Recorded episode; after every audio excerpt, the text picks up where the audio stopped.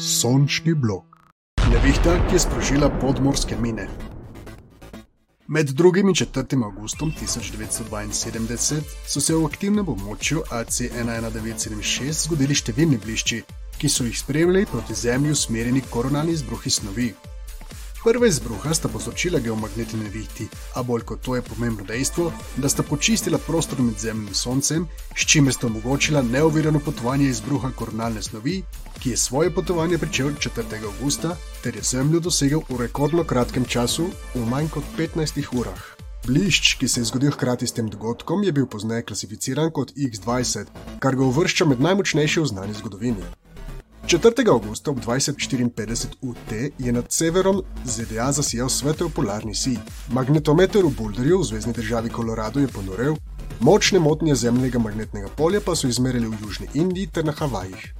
Na južni obali Združenega kraljestva je polarni sij zasijal tako močno, da so se pojavile sence, videli pa so ga tudi piloti na komercialnem letu v bližini mesta Bilbao v Španiji. Izbruh je na strani, ki je obrnjena proti Soncu, do dobra potlačil zemljino magnetno polje.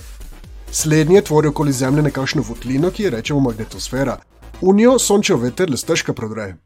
Mejni plasti magnetosfere pravimo magnetopauza in je na dnevni strani od Zemlje oddaljena povprečno 10 zemljnih polmerov. 4. augusta 1972 se je ta razdalja zmanjšala na vsega 5,2 zemljina polmera. Geomagnetna nevihta je povzročila kar nekaj težav. Širom ZDA in Kanade so se zgodili manjši izpadi električne energije ter telegrafskega kabla L4 American Telephone and Telegraph, ki je povezoval zvezdni državi Illinois in Iowa. Geomagnetna nevihta pa je povzročila še en dogodek, ki je edinstven. Leta 1972 so bile ZDA že sedem let upletene v vietnamsko vojno. Svetovalci so takratnega ameriškega predsednika Richarda Nixona prepričali, da je treba morje ob obali severnega Vietnama posejati z minami, Ta operacija se je začela 9. maja 1972 v bližini mesta Haiphong. Skupaj je bilo tekom 8 mesecev v bližini strateških mest položenih preko 11 tisoč min. Nekatere od teh min so bile take, da so jih detonirane spremembe magnetnega polja, ki jih ponavadi povzročajo vojne ladje. Sprožile so se takrat, ko je magnituda motnje presegla določen prak.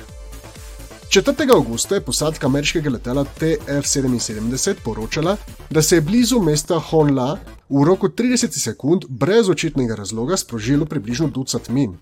Poznejše analize so pokazale, da se je vsega skupaj sprožilo kar 4000 min. Preiskava ameriške mornarice je ugotovila, da so se mine sprožile zaradi fluktuacij magnetnega polja tekom geomagnetnih neviht. Čeprav niso nikoli razkrili praga, ki je potreben za detonacijo teh min, pa vemo, da so motnje magnetnega polja Zemlje dosegle 168 nanotesel, kar je bilo očitno dovolj. Narediti te mine neobčutljive na vesoljsko vreme je po tem dogodku postala ena glavnih prioritet ameriške mornarice.